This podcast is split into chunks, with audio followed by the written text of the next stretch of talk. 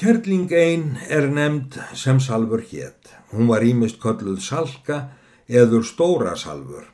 Hún var á 60 aldri þegar hér var komið sögunni, rúmar þrjár álnir og hæð og síndist þó digurðin bera lengdin og ofurliði. Hún var í barnæsku alin upp á sveit en þegar hún eldist vildi enginn hafa hann í vist fyrir geðílsku en enginn þorða beita valdi við hana því þótt það væru álitnir menn í góðu meðalagi var hún viss að taka tvo og bögla þeim saman eins og eldiskinn skjóðu. Margir voru þeirra meiningar að salfur kynni galdur og þeirra trúar var hún sjálf enda þótt hún aldrei hefði lært svo mikið til munns nýja handa að hún þekkti ell frá ói eða ránkverfu frá réttkverfu og prjónafatti. Salfur var eins og aðrir, margir, sem tilveru hafa öðlast að hún var með einhverju móti að draga fram lífið en þar hún gatt verið í vist og unni yfir höfuð flestum hlutum fremur meira en að vinna nokkurt gaglegt þá lagði hún snemma fyrir sig flakk og að betla og til þess endist hún ágætlega vel þó aldur færðist yfir hana. Hún hafði vanalega fyrir umferðasvæði östfyrðingafjórnum Samt áleit hún það syndlust að vera óbundin við fjórðungamót að norðan og sunnan ef hún ímyndaði sér að þar væri þá heldur happa von. En hvert byggðalag sem var og hver maður í byggðalögum fagnaði því að vita salfuru í semestri fjarlægð.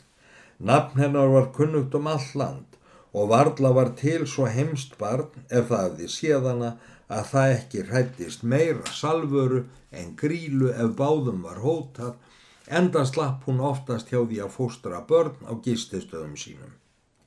Salfur átti gráan langsekk sem þegar hún lagðan tóman á öksl sér tók henni nýjaspætur á baka til og í mitt læri í fyrir.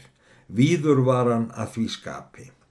Engin maður myndi það eftir að Salfur var komin til lögaldus að hann hefði séðan á ferli svo að gráni greið en svo kalla á langsekkin væri ekki förinni með.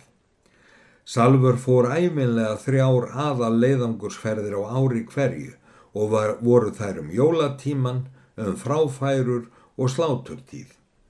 Þótti henni þá helst fangs og sjaldan fór hún svo til áttaga sinna því um heimili var ekki að tala að gráni greið væri ekki nokkur megin út tróðin og sögðu sumir menn að það mætti vera vikafærar byggjur tvær á vordaginn sem laglega færu með innihaldið úr honum en enginn heyrði salvuru blása mæðilega þótt hún bæran dag eftir dag frá mótni til kvölds og þegar svo stóð á var hún oftast í góðu skapi.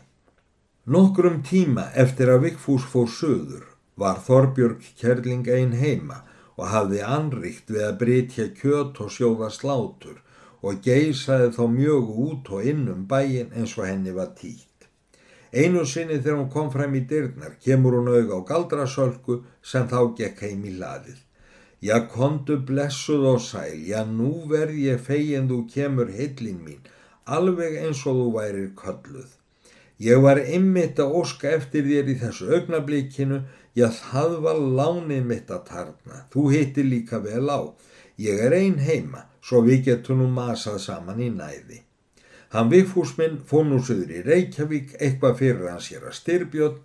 Þeir hafa nú alltjent nóg að sístla saman þessir menn. Ætlan megi koma þar hann Vigfúsminn? Já, ég held það. Ég dreif kallin norður í sveit og veit ekkert hvenar hann kemur. Og þó hann kemi aldrei, það vildi ég helst. Þetta eru þau ósköp sem hann getur og er alltaf að vestna með það, en bráð ónýtur að vinna ég því líkt. Hí, hí, hí, já það var allt sem Salvör gatt sagt á meðan hinn let dæluna ganga. Æ, en hvað er ég að hugsa? Ég stend hér og rausa en býðir ekki inn aumingjanum ferðalúnum. Mikið er það hvað þú heldur út. Það má nú segja, Salvur, að þú hefur verið dugnaðar manneska, allur sá burður og öll þessi ferðalög. Og þó sínist mér þeir ekkert fara aftur. Þeir láta það vera Þó vaskir þykist á velli sem yngri eru, kondu nú inn í búr til mín, ert ekki svöng blessuð, en því spyr ég svona búin að ganga allan daginn, það má nærri geta. Æ, ég er nú hálf tóm orðin því ég hef ekki smakka mat í allan dag. Ó, blessaður aumingin, ég trúi þessu. Fólk er ekki vant því hérna að standa úti með góðgjörðirnar. Hér er einn svíðingurinn öðrum argari. Sestu þarna við tróið og berðu þig að því að borða þig satta. Ægi verðt ekki að naga þessa hnútur, láttu upp í því magálsbjórin, hann er þó beinlaus. Salfur tók nú all hrauslega til matar og helt það út bæði vel og lengi. Það hefði ekki þurft að vera hart í ári til þess að það væri kallaður laglegur fjögura karlmanna matur sem hún hafði léð húsaskjól þegar hún með þungum stun setti frá sér tróið. Hafðu ástar þakkir fyrir matinn Þorbjörg sæl, já þessu varð ég fegin. Þú hefur ekkert geta borðað heilin mín. Ég borða nú ekki meira en þetta í einu. Ég er heldur farin að bila með matalistinu nú á setni árum. Þú ert nú í standi til að gefa mér bit áður en ég hátta ef ég ligg hér inni hjá þér í nótt.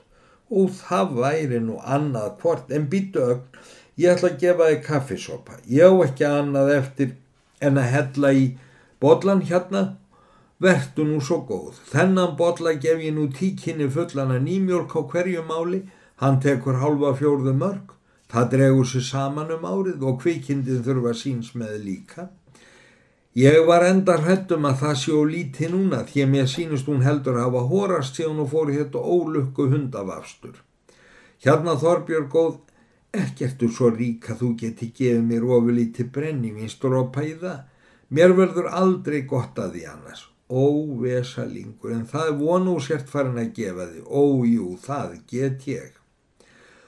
Þorbjörg sótti fulla pottflösku og fjekk henni og heldi salfur í tíkarbóllan jafnóðum og í honum lækkaði þar til hvorutveggja var tómt. Drottni sé lof og þér dýr Þorbjörg fyrir allt saman. Nú er ég orðin svo hress að ég geti farið að ganga aftur. Já, en þú fenn nú samt ekki lengra í dag. Ég ætlaði að tala ofilíti við því í trúnaði, ég veit þú segir ekki frá því og ekki skaltu óttast það. En hvað er það? Ég ætla að loka bænum svo pakkið hérna í kring ekki vað inn á okkur. Þetta kemur engum við nema þér og mér. Það segir fólk að þú kunnir eitthvað fyrir þér og sjáir jafnlánt nefiðinu. Hihi, það hefði ég nú líka hugsað að satt væri, en hvað er þér í því? Já, það er nú svoleiðis hellin mín að hann Vigfúsminn langar til hérna að ná sér í e, stúlku en hún er skrattans þver ambáttinn svo arna. Ég hef nú tvísvar verið að sarga við hana og er litlu nær. Treystur þér ekki til að snúa huganar svo hún hætti þessum þráa? Er það ekki annað? Já, það held ég að mér verði líti fyrir því. Ég hef nú einhver tíma velt þingra hlassi máttu vita. En hver er hún? Æ, hún er hérna á hóli. Æ, æ, æ, hún stýna vænt ég. Já, það er von hún láti svona. Fyrsta var ekki lengra. Þá fer ég þanga strax. Hefur það ekki slátrað allra mest að skratta þarna á hóli eins og vandir? Já, hvað heldur þau? Þar agar allt í kjötri og slátri. Það væri nú lítilsvirði fyrir hann að sigrið að láta hann grána greið. Það fer ekki svo mikið í hann. Ég skal þá stinga einhverji í eitt hodnið, fyrir tvö önnur eins efna heimili er það nú ekki stórt þrekkvirki. En hvað ég vildi segja, átt ekki sífalt kebli að ljá mér. Ójú, það hef ég. Hérna er kökukebli mitt, en hvað ætlar það að gjöra við það, heilin mín? Það er nú það sem þú skilur ekki í. Salver tók þá upp nýf hjá sér, horði ekkina, blés og blístraði. Síðan tók hún keplið og risti á rúnir ringin í kring frá enda til enda og á meðan gekk hún ímist áfram eður aftur á bakk, tegði sér niður eða fettist aftur á bakk og suðaði eitthvað sem engum var und að skilja. Þorbjörg horfi stundakorn á eftir henni og sagði með undrun og fannst henni sem kallt vatn rinni sér millir skins og hörunds og setna sleftu hún því við kunningakonu sína að eitthvað veri leiðinlegt við það að hafa galdra fólk nálagt sér. Þegar Þorbjörg þóttist búin að magna keflið til fulls, gekk hún á stað heim að hóli en stakk áður keflinu í barm sinn. Þorbjörg horði stundakorn á eftir henni og sagði bölfuð galdranornin. En allt í einu tók hún stökk og rópaði Salfur, Salfur, hyrðu, hyrðu. Salfur stóð á beigðennar. Þorbjörg kvíslaði að henni með skjálfandi rötu. Þú ætlar þó ekki að gjöra henni stínun eitt ílt. Að láta hann ekki veri í rónni fyrir hún er orðin konarnas fúsaðins ef þú kallar það að ílt. Nei, nei, nei, blessu mín, það kalla ég ekki.